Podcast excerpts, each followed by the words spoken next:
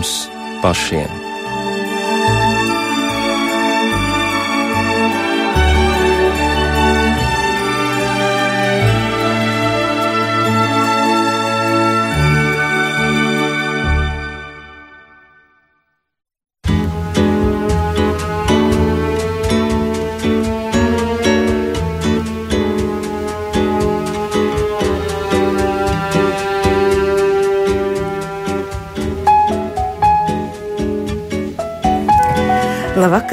Eterā raidījums pāri mums pašiem.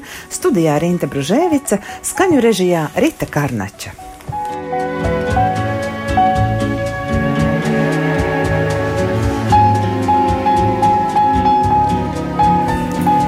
Piedošana ir būtiska mūsu dzīves sastāvdaļa, jo tā ir ceļš uz brīvību, kas atnes iekšējo mieru. Lūkšanā mūsu tēvs ir vārdi piedod mums mūsu parādus, kā arī mēs piedodam saviem parādniekiem.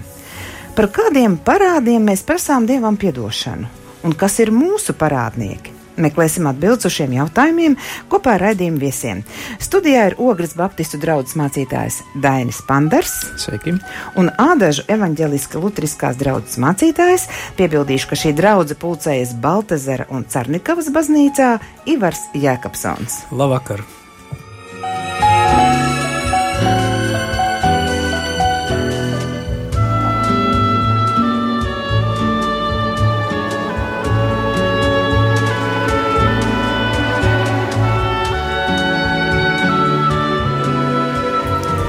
Vārds parāds, manuprāt, galvenokārt asociējas ar naudu, kuru mēs esam aizdevuši, vai mums tā ir aizdota.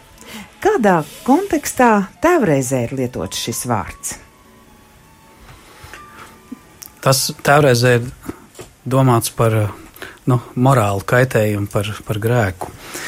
Ja varētu teikt, ka tikums ir bagātība, tad tur, kur es savu tikumu neesmu parādījis, labo, kam no tevis vajadzēja izpausties, uh, tu neesi izpaudis, tad pēc būtības tas palicis parādā. Jo šis, šis vārds parāds nu, skaidro tādu inflāciju tevī vai tavu, tavu bankrotu morālā ziņā. Protams, šis vārds citās valodās ir sinonīms arī vārdam grēks. Un, tādēļ baznīcā parasti šo vārdu parāds lieto kā grēku apzīmējumu. Jā, reizēm mums liekas, ka mūsu grēks ir tad, kad mēs izdarām kaut ko nepareizu vai ļaunu, bet patiesībā mūsu grēks var būt, ka mums vajadzēja kaut ko izdarīt, un mēs to neizdarījām. Piemēram, nu, mēs esam nu, visi uh, nu, kaut kādā ziņā vērtīgi, un ja cilvēks uh, teiksim, mūs neciena, uh, viņš paliek mums, varētu teikt, parādā cieņu, novērtējumu, vai paliek parādā pateicību, viņš paliek parādā mīlestību.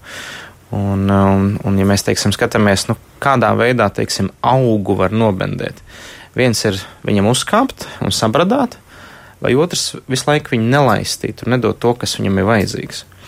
Un, un tāpat arī uh, grēks var izpausties gan kā apzināta ļauna darīšana, kā arī apzināta laba nedarīšana. Un šajā gadījumā, nu, piemēram, ja mums jāpiedod kādam parādniekam, tad nu, tas reizēm var būt, ka nu, teiksim, varbūt mums nav bijuši teiksim, vecāki, kas bija apzināti ļauni, bet viņi vienkārši nekad nav veltījuši mums laiku, nekad nav mūs uzklausījuši un varbūt nav pietiekami nu, palīdzējuši mums kā bērniem augt mīlētiem, novērtētiem. Un šajā gadījumā tas ir tas parāds, ja, kas, kas, kas varbūt mums kā vecākiem pret saviem bērniem varbūt, vai, vai vienkārši tautietim pret tautieti. Es domāju, pat ja iepriekš minētie vecāki, kas kaut ko ir palikuši ideālam vecākam statusam parādā attiecībā uz bērniem, pat ja viņi to ir darījuši neapzināti. Viņi gribējuši to labāko, kā viņi darījuši, nu, pēc labākās, kā viņi tajā brīdī sapratnes vai sirdsapziņas. Un arī tad mēs redzam, ka pat neapzināti Mēs dzīvojam sabiedrībā, kas ir grēcīga, kas labo uzskata par sliktu, slikto dažkārt par labu. Un šādā veidā mēs esam jau nu, paudžu paudzēs sakrājuši, sakrājuši nepilnības un patiesībā pat neprotam svēti dzīvot, un jau veselu laikmeti ir izveidojušies kā tādi grēcīgi piesārņoti. Un tāpēc varētu teikt, pat viss. Labākās pašapziņas ģimenēs, kur daudz domā, mēs jau gan bijām labi vecāki, tomēr mēs pat neapzināmies, kādus tīšus vai pat netīšus ievainojumus esam atstājuši nākošai paudzē, kur pēc tam pusmūžā iznāk skaidroties ar bērnu, dēlu vai meitu, kurš saka, zini, māma, es tev visu piedodu. Viņa saka, par ko tad? Un tad nu, sākās stāsts, kas sašokē, satriec sirdi mammai, un viņa domā, ak, šis nepateicīgais bērns, es gribēju labāko, viņa man stāsta, ka es viņai sliktu nodarīju. Nav stāsts par to, ka mamma nodarīja sliktu, bet ka bērns bija ievainots, ka bērns bija, nu, eh, pret viņu tika izdarīts neapzināts grēks, un tas viņu ir satriecis. Un tādēļ šī piedošana ir ļoti būtiska kā solis tālāk. Tātad parāds tas būtu uh, grēks, kā jūs teicāt, tāds morāls uh, kaitējums, kas ir nodarīts kādam, nu tā varētu būt tāda arī rīcība nepareiza, ja? Ne, nu, apzināta vai neapzināta rīcība. Apzināta vai neapzināta rīcība. Interesanti paskatījos arī, kā to vārdu tulko franču valodā, tad Matejs raksta parādus kā pāri nodarījums parāda vietā. Tas, tas arī tā varbūt vairāk paskaidro šo vārdu parādi, grēks, pāri nodarījums, um, apzināti. Angliski tulkot trespass arī kā tāds noziegumu tāda veids, jeb, jeb pāri nodarījums, jā. Nu, jā, lai labāk saprastu, jo latviešu valodā šis vārds parāds ir diezgan mulsinošs. Par ko tad mēs prasam, lai mums piedod? Ja? Nu, Grieķu oriģināla vārds um, ne, nevarēšu nosaukt precīzi, bet viņš burtiski to arī nozīmē. Bet viņam ir šīs divas nozīmes, līdzīgi tā kā vācu valodā vārds šuļd nozīmē gan parādu bankā, gan arī grēku. Bet latviešu valodā drīzāk ir grēks, mums ir divi jēdzieni. Un uh, valodnieki tādu vai citādu iemeslu dēļ, nepateikšu, ir izvēlējušies šādu tulkojumu, kas savā ziņā precīzāk tulko, bet liek mums to skaidrot un saprast, kas tad ir šis grēks. Vispār piedošana Bībe, Bībelē ir minēta ļoti daudzas reizes, un Bībele tai pievērš lielu uzmanību. Kāpēc tā? Principā tā ir, varētu teikt, šī pamata tēma. Um, kad mēs apzināmies, ka mēs esam nepilnīgi un mēs varētu teikt, neizpildām Dieva standartus. Mēs kā cilvēci varētu teikt, esam ļoti, ļoti nepateicīgi. Piemēram, nu, mūsu svarīgākās lietas, kas mums ir, mēs bieži vien par to pa Dievam neesam pateikušies. Mēs viņam parādā pateicību. Nu, piemēram, mēs nevarētu dzīvot jā, pat dažas minūtes bez skābekļa bet uh, Dievs mums to pavelti dāvā, un mēs, mums pat par to nav jāmaksā. Vai Viņš ir izvēlējies dot mums dzīvību? Ja neviens no mums neizvēlējās paši piedzimt. Ja? Un ar to pat arī bieži vien vecāki negrib, lai mēs dzimstam un, un pēkšņi oh, tomēr palikt stāvoklī. Un, un, uh, un ar to mēs savā veidā, uh, nu, mums ir vajadzīgs, mums atnāk kā seks tam vainas apziņa es jūtos vainīgs un, un tukšs. Un ar to mēs neesam tikai, nu, nu, tikai staigājuši, varētu teikt, gaļas gabalu. Mums ir arī gars, kas jūtas tukšs un vainīgs un nepilnīgs, kamēr viņš, varētu teikt, nedzird no sava radītāja šos vārdus, jeb šo apziņu, ka tavi grēki ir piedoti, ka tu esi tagad pieņemts, ka tu esi apžēlots. Un, un kā ateisti saka, kad, nu, ka viņi apskauž kristieši, ka ka viņiem, viņi saņem šo piedošanu, bet viņiem nav neviens, kas varētu piedot viņiem, jo viņi vienkārši viņi netic tādai personībai. Un ar to piedošana vienmēr saistīta ar atjaunotām attiecībām. Un, un teiksim, Baušļa desmit jau runā par attiecībām ar Dievu un attiecībām ar cilvēku. Un, un ja es pārkāpu kādu bausli, es grēkoju vai nu pret Dievu, vai nu pret cilvēku. Vai un, pret sevi. Jā, un arī pret sevi. Un to, un tā, kad es sa saņemu šo piedošanu, šīs attiecības izlīdzinās vai nu ar Dievu, vai ar cilvēku. Un tāpēc tas ir, nu, varētu teikt, ļoti, ļoti svarīga nu, lieta, lai atjaunotu uh, mīlestības attiecības starp Dievu un cilvēku, un cilvēkiem savā starpā un savā ziņā, arī pašam pret sevi. Jo ar cilvēku, kas pateikuši tādus vārdus, es sev to nekad nepiedošu, Un kas tad notiek? Viņš principā ir konfliktā pats ar sevi. Viņš pārdzīvo, ko darīja nepareizi, viņš sevi šausta, ienīst, pārmet, kritizē, pie katras mazākās kļūdas atkal ir dusmīgs uz sevi, nosauc sev dažādos vārdos, bet viņš dzīvo nemierā. Un ir reizes, kad ir vajadzīgs nu, saņemt atdošanu no Dieva un arī pašam, varētu teikt, nu, atlaist savu parādu. Ivar, vēl kāda doma par to, kāpēc Bībele tik absolūti piekrīt, ka grēka problēma, grēka piesārņojums, e, grēka situācija, kurā mēs atrodamies šajā pasaulē, sauc to no pasaules to bubulis vai nē, vai tā ir, kā dažiem šķiet, fantāzija, bet tomēr viss ir tā kā uz dēlnes, kad šī pasaule, kas ir tā vai citādi piesārņota un ciešana pilna, stāsta par to, ka tā ir realitāte, kurā mēs dzīvojam, ka mēs esam brīnišķīgi radīti. Un tomēr šī pasaule ir piesārņota, grēcīga, morāli, nu jau arī fiziski un visādā ziņā. Un tā ir tā galvenā lieta, Nevis ko mums Dievs tikai pārmet, ja, bāž acīs tikai, kā dažiem šķiet, moralizē, bet um, ko Dievs grib risināt, proti pašu to slimības, nāves, ciešanu, proti grēka seku sakni. Domājot par grēku un sodu, man šķiet, ka tas konfrontē, konfrontē mūsu loģikai, jo tieši par piedošanu un sodu. Jo, ja ir piedošana, tad nav soda, un otrādi tie, kas tiek sodīti, viņiem nav piedots. E, kas tad notiek ar sodu, ja mēs piedodam? Es kā tagad atceros epizodi no kādas filmas, kur kāds uz nāvi notiesātais sauc priesteri, viņš ienāk kamerā, viņš izsūta savus grēkus.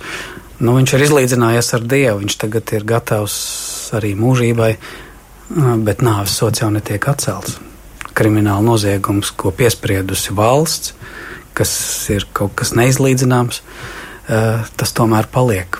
Un Bībele arī nesaka, ka tas, ka es būšu saņēmis atdošanu, ka man nebūtu jāatrisina mana vaina. Ļoti bieži par lietām arī pēc atdošanas būs jāmaksā, jāizlīdzina, jāatlīdzina. Atdošana Tas būtu pārpratums, ja es sacītu, ka es tevi, tā sakot, attaisnoju, es vairs nepieprasu kaut kādu taisnību, kas ir jāizlabo.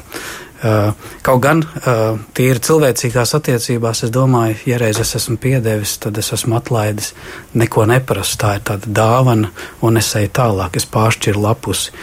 Bet uh, ir situācijas, kas ir daudz komplicētākas, kur uh, no vienas puses uh, tu netiec eh, pazudināts, ja, bet no otras puses ir eh, jānokārto šī lieta, kas ir tavs pienākums. Un tur atkal tas parādās eh, kā tāds, kā tāds pienākums nu, izlīdzināt vainu, kā sots, kas nebūtu nenozīmē tavu iznīcināšanu, bet taisn otrādi kā, kā morāls parāds, kas. Tā kā jāsam, turpinājums rīcībai, ja? jā, tā saucamā labošana. Um, nu jā, parasti pārprot, ja, ka domā, ka ja es piedošu, tad es nu, aizmirstu un nekad to neatceros. Īstenībā tas to nenozīmē, bet manas atmiņas ir dziedinātas. Es varu brīvāk uz to skatīties, nevis izstumt, aizliegt to, kas kādreiz bija. Savā ziņā piedot nozīmē, es pieņemu to, ka es atsakos no tās pagātnes, kas ar, kā tur bija ka tas nozīmē, ka es atsakos no cerībām, ka man vajadzēja būt citādākai pagātnē. Ka es vienkārši pieņemu, ka viņa tāda ir, nevis aizmirstu. Bet es tajā pašā laikā kļūt, kļūstu brīvs un piedot nozīmē nevis attaisnot otru, atbrīv, otru, bet atbrīvot otru un dot tam iespēju. Tas negarantē, ka es izlīgšu ar otru. Ja? Tas negarantē, ka otrs man nožēlā atvainosies bet es varu tik un tā spērt šo soli no sevis, jo tā ir mana rīcība. Jā. Bet vēl atgriežoties pie tā uh, soda un piedošanas, tātad tavuprāt, sots un piedošana iet roku rokā.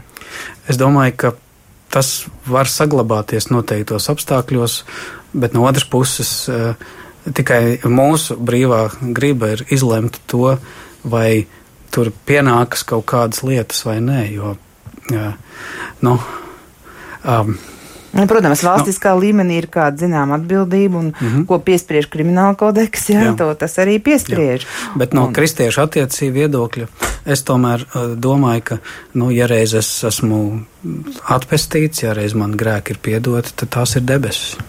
Jā, tad, tad nav nekādas pazudināšanas, nav nekāda pazudināšana. Tā problēma ir, ka nu, cilvēki nepaņem, nelūdz to. Nu, bet, piemēram, kā tad vajadzētu rīkoties kristietim? Teiksim, nu, viņam ir apzakta māja, nolaupīta, nolaupīts kaut kas ļoti vērtīgs un vēl kāds tuvinieks arī nu, smagi cietis, ievainots, jā, jā. cietis, jā, teiksim, smagi ievainots. Nu, tad, ko viņš dara?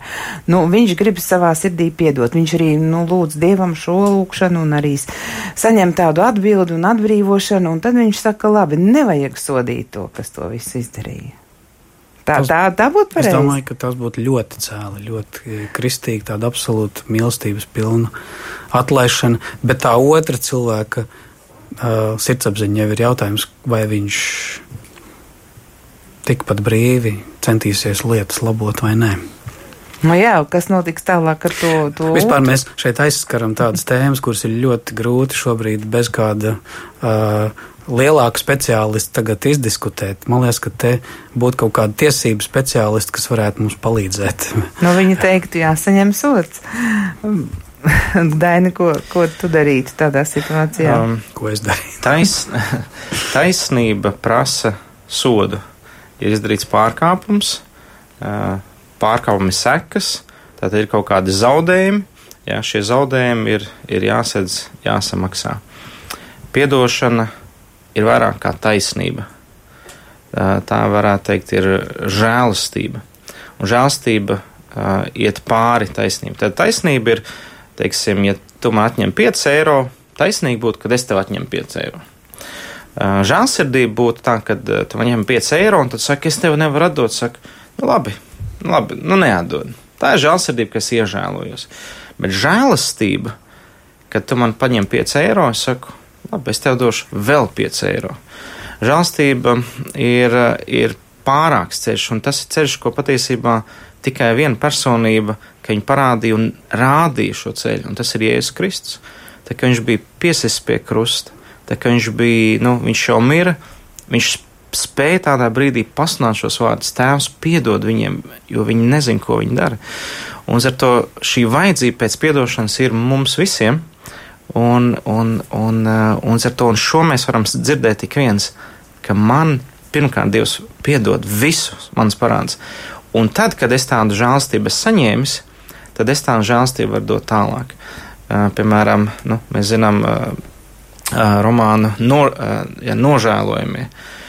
Tur ir fantastiski ilustrēts, ja, kur šis noziedznieks nāk šī, šī priestera namā, un viņš ļauj viņam palikt pa nakti, un, un viņš nozog pa nakti tam priesteram trauks un aizbēg, un viņi noķer šie žandarmi un atved apakaļ, cerību, nu, tūlīt mēs viņu iesēdināsim, lai tikai priesteris pasaka vienu vārdu, jā, viņš nozag. Un ko priesteris izdara, viņš saka, ah, jūs viņu atvedāt ļoti labi, jo es viņam aizmirsu iedot svečturus. Un, un, un, un tas pilnībā izmainīja šī vīra sirdi, ka viņš saprata, žēlstība ir daudz pārāk par taisnīgumu, par atriebību. Un, un ar to piedošana uh, nav attaisnot to cilvēku. Uh, nu, vienkārši tā kā, nu, viņa grēks jau nekas slikts nebija.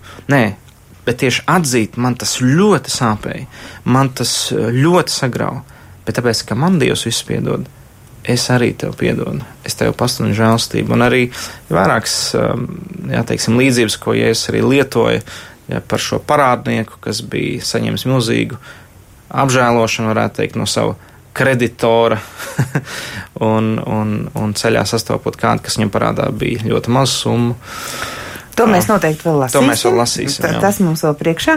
Bet tā tad, eh, bet tiem, kam nav šī atziņa, par kuru tu Dainu pat runāji, par eh, Dievu žēlastību, par Kristu, man š, viņiem piedošana varētu šķist netaisnīga, jo otrs taču to nav pelnījis. Tā arī ir netaisnīga.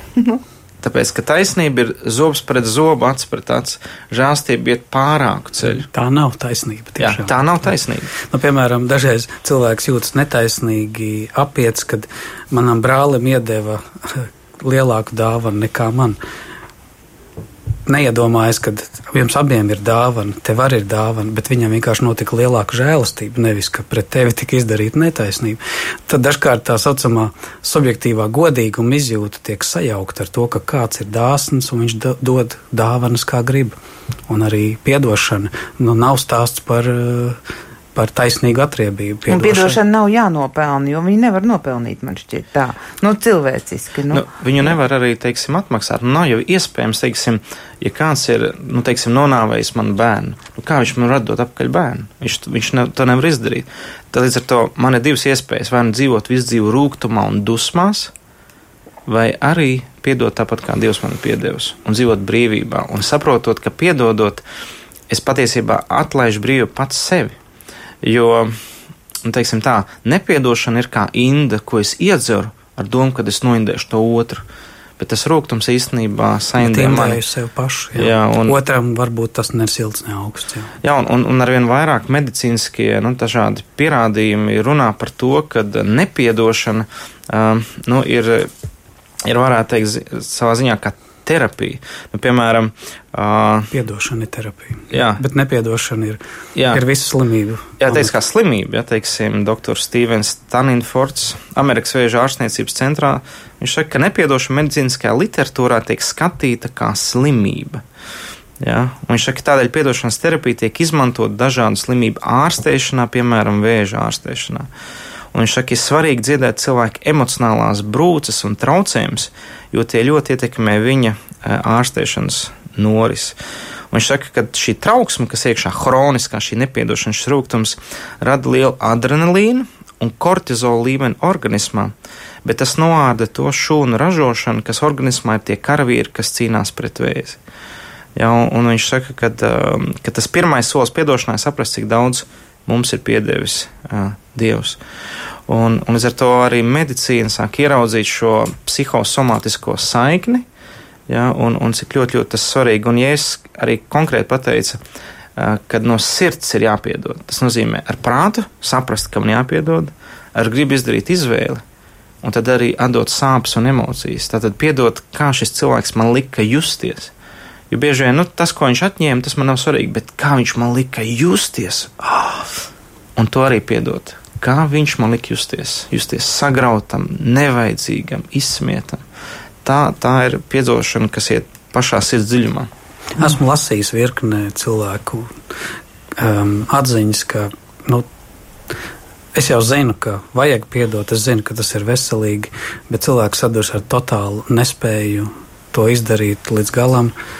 Un, uh, tad ir tā, kā tu saki, ka pēc būtības uh, mēs zinām to veselību, kas no tā tiek iegūta, bet to nevar izdarīt ar pašu spēkiem. To var iegūt vienīgi ļaujot dievam vai iedvesmojoties no dieva un pat lūdzot. Ir virkni gadījumi, nu, piemēram, Latvijā un Eiropā zināmais stāsts par Rozmariju von Klausenu, Adolfu Hitlera krustmeitu, grāmata Asaras dimantos. Um, viņa, kas zaudēja ģimeni, zaud, cieta nacismu laikā, pati tika uh, nu, iet, nu, dažādi veidi cietusi. Ja? Un uh, pēc kara viņa vēl ilgi, vairāk kārtīgi piedzīvoja infarktus, ja, kas uh, drau, draudēja sagraut visu sirds muskulatūru. Viss tas, tas, kā tu teici, tas kortizols un cits, viss turpināja sāēst viņas iekšējos orgānus. Un, jo viņi pilnībā taisnībā arī sacīja, um, es nepiedošu, es nevaru Hitleram piedot, ka viņš manu tēvu. Ja, par visu to, ko viņš te izdarīja. Ja? Un, uh, un viņai tas 20 gadu garumā rezultējās smagās veselības izmaiņās. Un tikai tad, kad viņi nonāca pie jautājuma, uh, piedot vai dzīvot, nepiedot vai sevi iznīcināt un mirt, uh, viņa bija tā kā strupceļā nonākusi. Tad viņi saprata, ka es nevaru to izdarīt pie labākās gribas. Es taču nevaru attaisnot vai nevaru to atlaist. Tas vienkārši ir ne, neiespējami. Un tad viņa runāja ar Dievu. Kungs, ja tu esi, ja tu vari, paņem tu to, izdari tu to. Un tā viņa sacīja, es pats dzirdēju šo liecību. Viņa viesojās Latvijā, tā bija tāda vecas kundzes liecība, nu, kādā baznīcas sanākšanā. Un es pilnīgi tagad atceros to, to tēlu, ko viņa lietoja. Liels, akmens izvēlās no viņas smagās sirds. Un gan arī jāsaka tā, kā pasakā par kaķīšu dzirnavām, un tad pilī sākās jauna dzīve. Burtiski izmainījās viņa sejā. Pēdējais infarkts nepienāca, un viņa no tā laika saprata un gribēja dot vēstījumu, mīļie, piedodiet Dieva dēļ un sevis dēļ. Viņa iegāja dažādās nu, kustībās, kas Eiropā organizē tā saucamo emocionālās, garīgās dziedināšanas ceļu, proti, caur piedošanu. Savu skanējumu turpina raidījums pāri mums pašiem.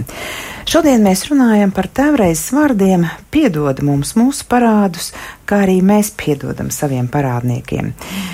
Risinām jautājumu par kādiem parādiem, tad mēs prasām Dievam piedošanu un kas ir mūsu parādnieki.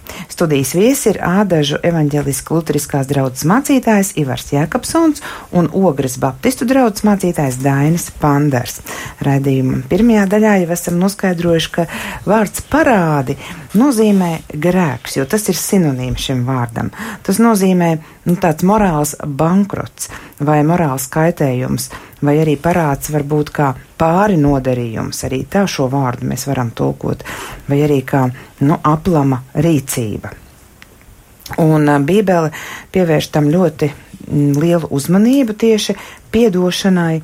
Un, un prātā nāk, ko mēs vēl raidījuma sākumā nenocitējām, Mateja evaņģēlijas sastā nodaļa, jo tur ir teikts tā, jo kad jūs cilvēkiem viņu noziegumus piedosit, tad arī jums jūsu debes tēvs arī dzen piedos. Nu jā, nav jau tāda cilvēka, kurš nav bez grēka. Un tā kā mēs zinām, ka grēkam pašam par sevi ir negatīva tendence, tad ar to mēs neko vispār dzīvē nevaram veidot. Tas nes tikai destrukciju. Vienalga, kādā formā tas arī būtu, un tāpēc mums ir vajadzīga šī piedošana, attīrīšanās, atjaunotas attiecības. Un arī runājam par grēku, par piedošanu un sodu, un, un sots jau netiek izslēgts kā līdzeklis. Bet mm, nu, piedot mēs varam tā pa īstam tikai tad mūsu pāri darītājiem, ja mēs esam saskārušies un iepazinuši Dieva žēlastību. Jo piedošana ir pārdabiska lieta, un, un bez tās um, mēs, um, bez tā Dieva pieskāriena mēs nemaz no sirds piedot nevaram. Un tad, ja ir nepiedošana, tad tad, kā jau raidījuma teica, ir dažādas slimības un, un diagnozes, un, un izrādās visam pamatā ir šis piedošanas jautājums. Tas ir ļoti, ļoti svarīgs.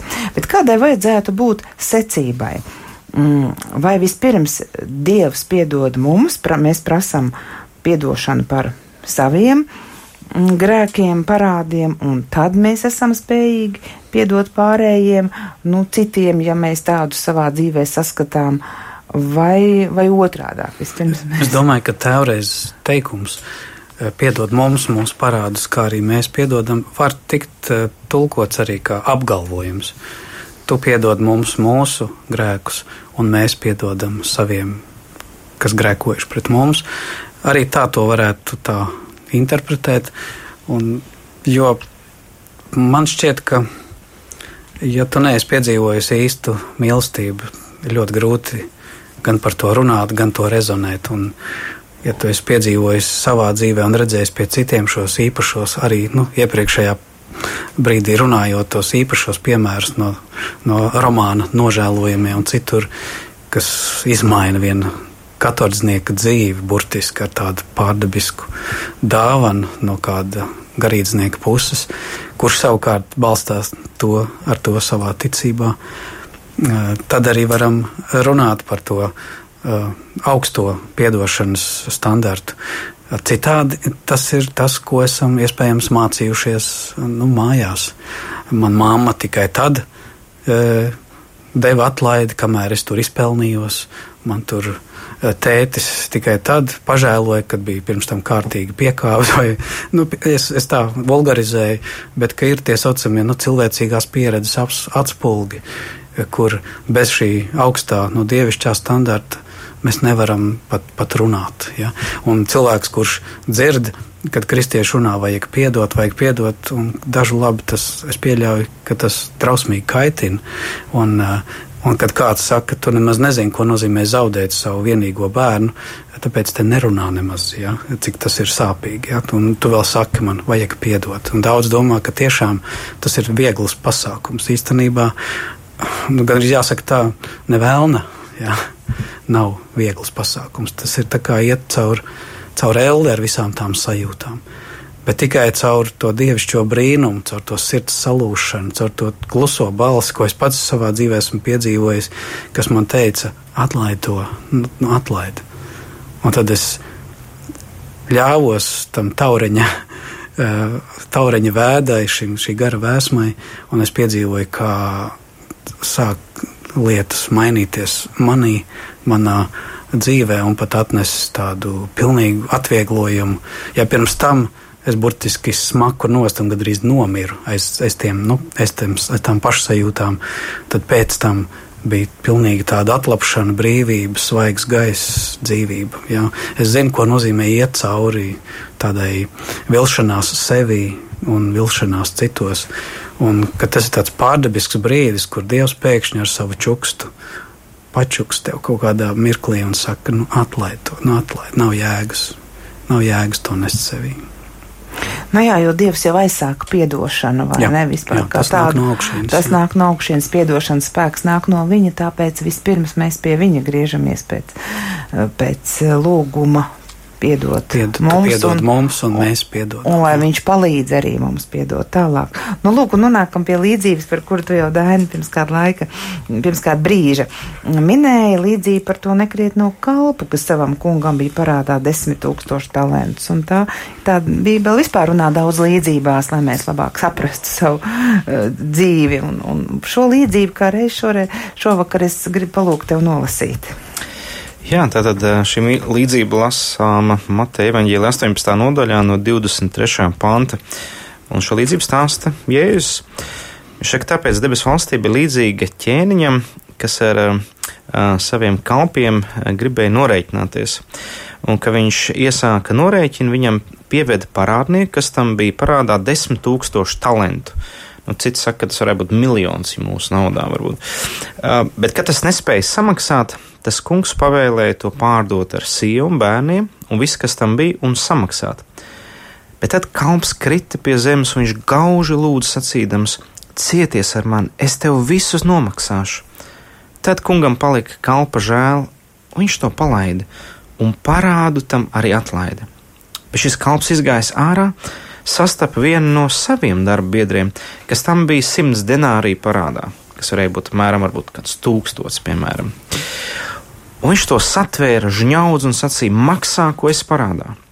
Tad viņa darba biedrs krita tam pie kājām, lūdzās un sacīja: Cieties ar mani, es tev samaksāšu. Bet viņš negribēja, un nogājis to iemet cietumā, tiekāms tas savu parādu samaksā.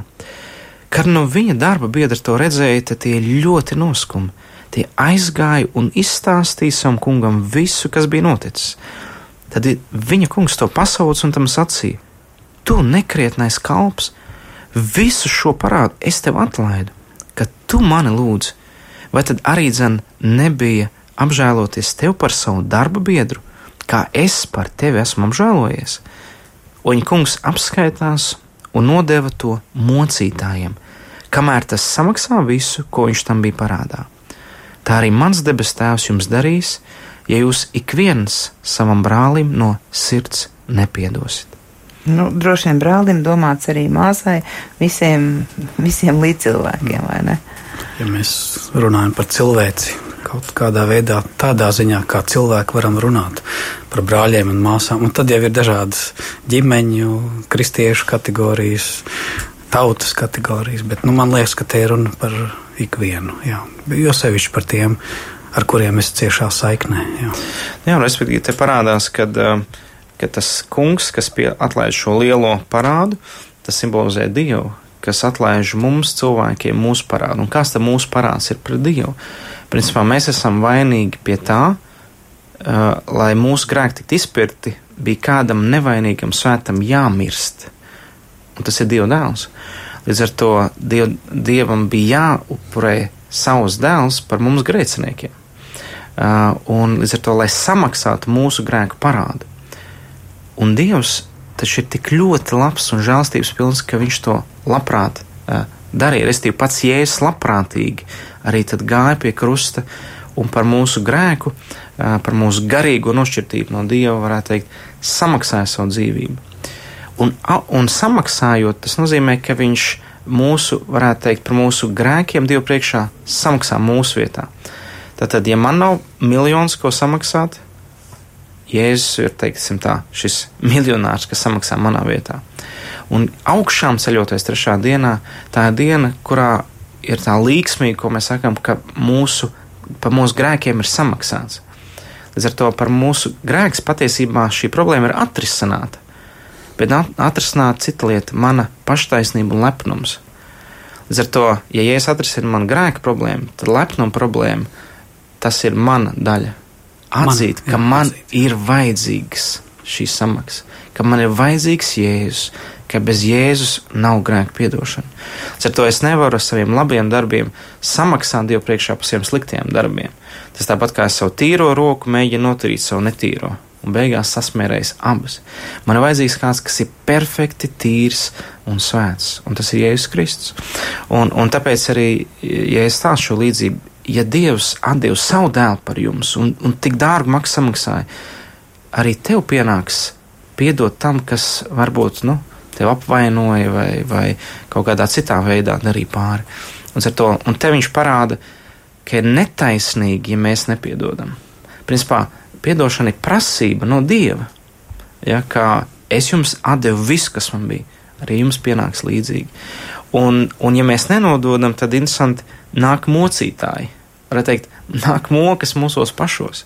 Ja mokās eh, tas otrs, kam mēs nepiedodam, varbūt iespējams, bet īpaši mokamies mēs paši. Ja, ja mēs no sirds nepiedodam savam brālim vai māsai. Jā, sāpīga realitāte šī līdzība, vai ne? Nu, tā jau ir, bet te mm, parādnieks lūdza piedošanu. Un, ja lūdz vispār, tad ir vieglāk piedot nekā tad, ja nelūdz. Domāju, gan. Ne? Es domāju, gan. Bet uh, tas nenozīmē, ka sāp mazāk.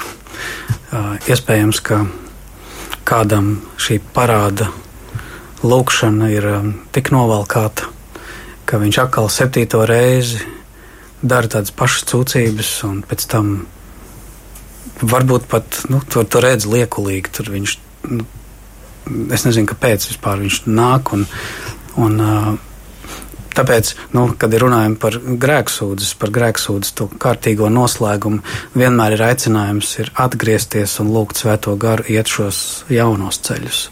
Nu, pretējā gadījumā Bībele attēlo ļoti nu, brutāli, ka tas cilvēks, kurš ir nožēlojis grēkus, ir līdzīgi kā, piedodiet, izvēmies, ja? un tad viņš ir līdzīgs sunim, kurš ka suņi tā dara, kad iet ēst savu tikko izvēmto, vai kā cūka mazgājusies, iet vārtīties atkal dubļos.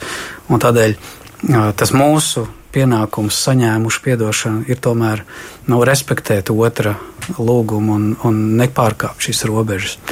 Bet, protams, šeit runājot par šo pašu piedošanu, mēs nevaram pieprasīt no otra, lai viņš tagad pēkšņi nāk pie prāta. Tas vienkārši nav mūsu varā bieži vien. Mēs varam tikai lūgt to no cita. Bet domājot par atdošanu šodien, šeit es domāju, ka te mēs visvairāk varam runāt par to, kas no mums ir atkarīgs. Kad pret mums ir kāda vaina izdarīta, mēs zinām, ka vislabākais ir piedot Dieva spēkā. Un, ja es esmu vainīgs pret kādu, tad es arī Bībeli saku, ja tu nāc uz dievkalpojumu, atnesi savu tādu pateicības upuri, un ja tu atceries, kādam ir kaut kas pret tevi, nu tad atstāji, aizēji, aizēji paprasti, aizēji izlīdzinies, cik vien iespējams no tevis.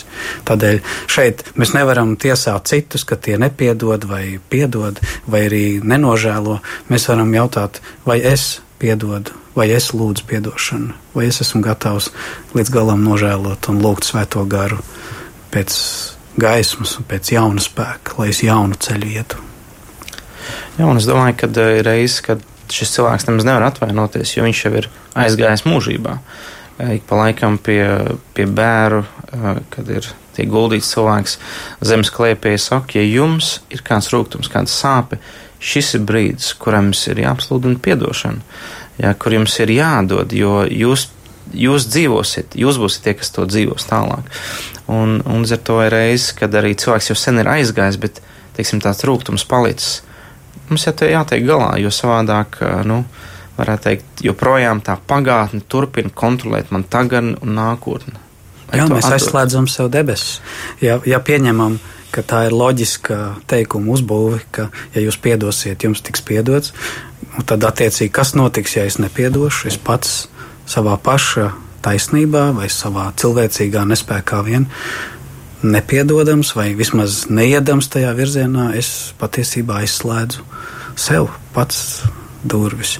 Man liekas, ka atdošanai ir uh, varbūt nenovērtēta tāda enerģija, jo līdz ko es saprotu atdošanas milzīgo nozīmi, īstenībā no dzīves vērtībām, no dzīves svētībām, tā ir atslēga uz panākumiem. Kādā veidā, un proti, biznesā, tu vari piecelties no bankrota un no apkrāpšanas, ko pret tevi ir izdarījuši. Tu vari atkal pāršķirt lapus, sākt no jauna, piedots. Tāpat laulībā uh, tas ir vienīgais veids, kā iet tālāk pēc pāri nodarījuma. Pretējā gadījumā tā ir laulības izbeigšana. Tā ir pēc būtības apcietināšana sirdī un gal galā izjukšana, attiecību šķiršana vai tāda e, neveselīga vai slima attiecību veidošana, kurā tur, tur ļauna, caur zobiem smaida. Tā vairs nav laulība, kurā nav piedošana. Tāpat mācībās, kad cilvēks saņēma sliktu atzīmi. Caur to, ka es izdaru secinājumus un izlīdzinos ar šo slikto atzīmi, un eju nākošais, mēģinu vēlreiz, tas atkal ir ceļš uz labākām atzīmēm. Un arī sportā tu esi nu, paklupis, tu atkal celies un mēģini vēlreiz. Man liekas, ka šis vārds piedošana ir vispār ceļš uz izaugsmi, ceļš uz panākumiem, ceļš uz brīvību, ceļš uz laimīgām attiecībām. Man diezgan neskaitām daudz cilvēku liecības, un mēs arī vadām tādus seminārus cilvēku, lai viņi, viņi piedod. Un, Un, uh, teiksim, viena tāda ļoti spilgta ir, ka bija kāda sieviete, kur uh, savā laikā vienkārši izmet ārā no savas ģimenes, no dzimtas, no mantojuma, un es tam neesmu vajadzīga. Un katru reizi, kad viņa to atcerējās, viņa histērijā modās augšā uh, naktīs. Viņa, kad redzēja sapnī, viņus histērijā uzreiz pamodās. Un tad viņa dzirdēja manu svētru par šo piedošanu un, un saprata, ka tā ir viņas vajadzība. Un, un mēs runājām, un, un, jā, un viņi varētu teikt, stāstīja savu sāpes, stāstīja visu. Un, un sāk piedot. Jā. Es piedodu viņiem par to, ko viņi izdarīja, ka viņi man lika justies tā un tā un tā, un atlaida. Un tad mēs viņu aizlūdzām.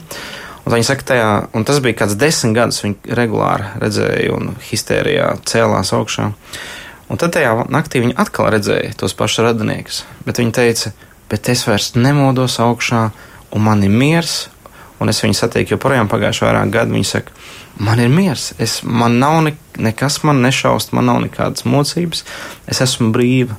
Un tas ir neskaitām daudz, kur ir cilvēki, kas ir piedoši arī tiem, kas ir izmantojuši, vardarbīgi bijuši, slepkavojuši. Ļoti daudz. Un, un kāds brīnums notiek, ka viņi pasludina šos vārdus. Es viņam piedodu, es viņu atlaižu savā piedošanas brīvībā. Un, ja cilvēks to nedara, vai viņš var pazaudēt dieva piedošanu? Dievs ir Dievs. Viņš jau nemainās. Viņš ir mīlestība un atdošana. Bet, eh, kā tikko jau iepriekš runājām, tas mūsu lepnums, mūsu kaut kāda sirds apcietināšanās. Tas varbūt pat ir kaut kas līdzīgs grēkam pret svēto garu, kurā tu izstum šīs svētības, kas tev ved pie patiesas nožēlas, patiesas e, piedošanas saņemšanas. Un es domāju, ka e, ļoti grūti aprakstīt. E, tādu brīdi, bet iespējams, es ticu, ka ir tādi cilvēki, kuri aiziet tik tālu, nu, ka, ka pazaudē to. Um, tā pašā laikā es gribu teikt, ka uh, Pat tad, ja es jūtos tāds, pat tad, ja man šķiet, viss ir nokavēts, kamēr es esmu dzīvs, raksti tomēr saka, nē. E, ja vien tev tagad e, domas ir pamodušās par savu dvēseles mieru un glābšanu, un varbūt, ka tomēr uh, ir kaut kāda cerība, tad ir cerība, jo raksti saka, ka Dieva žēlstība ir bezgalīga. Nav tādu grēku, ko nevarētu piedot, ja vien, ja vien es kaut nogultos tajā virzienā un sacītu, kungs, glāb mani. Kungs dāvā man to, dāvā man šo žēlstību. Jā, un vēl par piedošanas biežumu nāk prātā.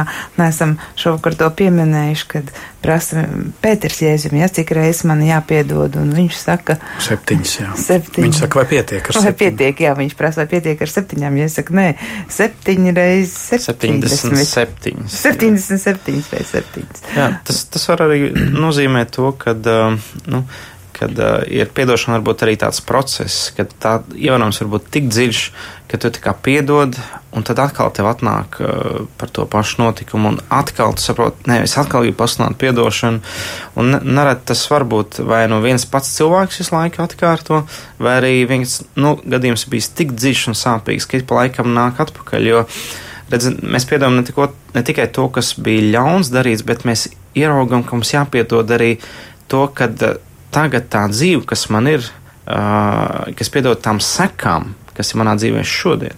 Nu, piemēram, ja cilvēks ir atstājis un aizgājis prom no laulības, jā, es piedodu to, ka viņš toreiz izdarīja, bet tagad es esmu viens. Un, un, un var atkal atnākt šī apjausma, ka, bet es viņam piedodu arī to, ka tagad es esmu viens. Un, un tas bieži vien varbūt arī process. Jā, es, ja es, es domāju, ka šī jā, piedošanas atslēga ir dzīvība, ir, ir dziedinājums. Un te ir jā, jāvelk atšķirība nu, personīgo attiecību līmenī. Tas ir tas, kur vienmēr mums ir bezgalīgas iespējas. Bet nu, pēc darba likuma mēs varētu teikt, pēc trešās rakstiskā brīdinājuma darba devējiem pēc taisnības ir tiesības atlaist. Uh, bet piedot, piedot gan mums, mums ir uh, bezgalīgs aicinājums.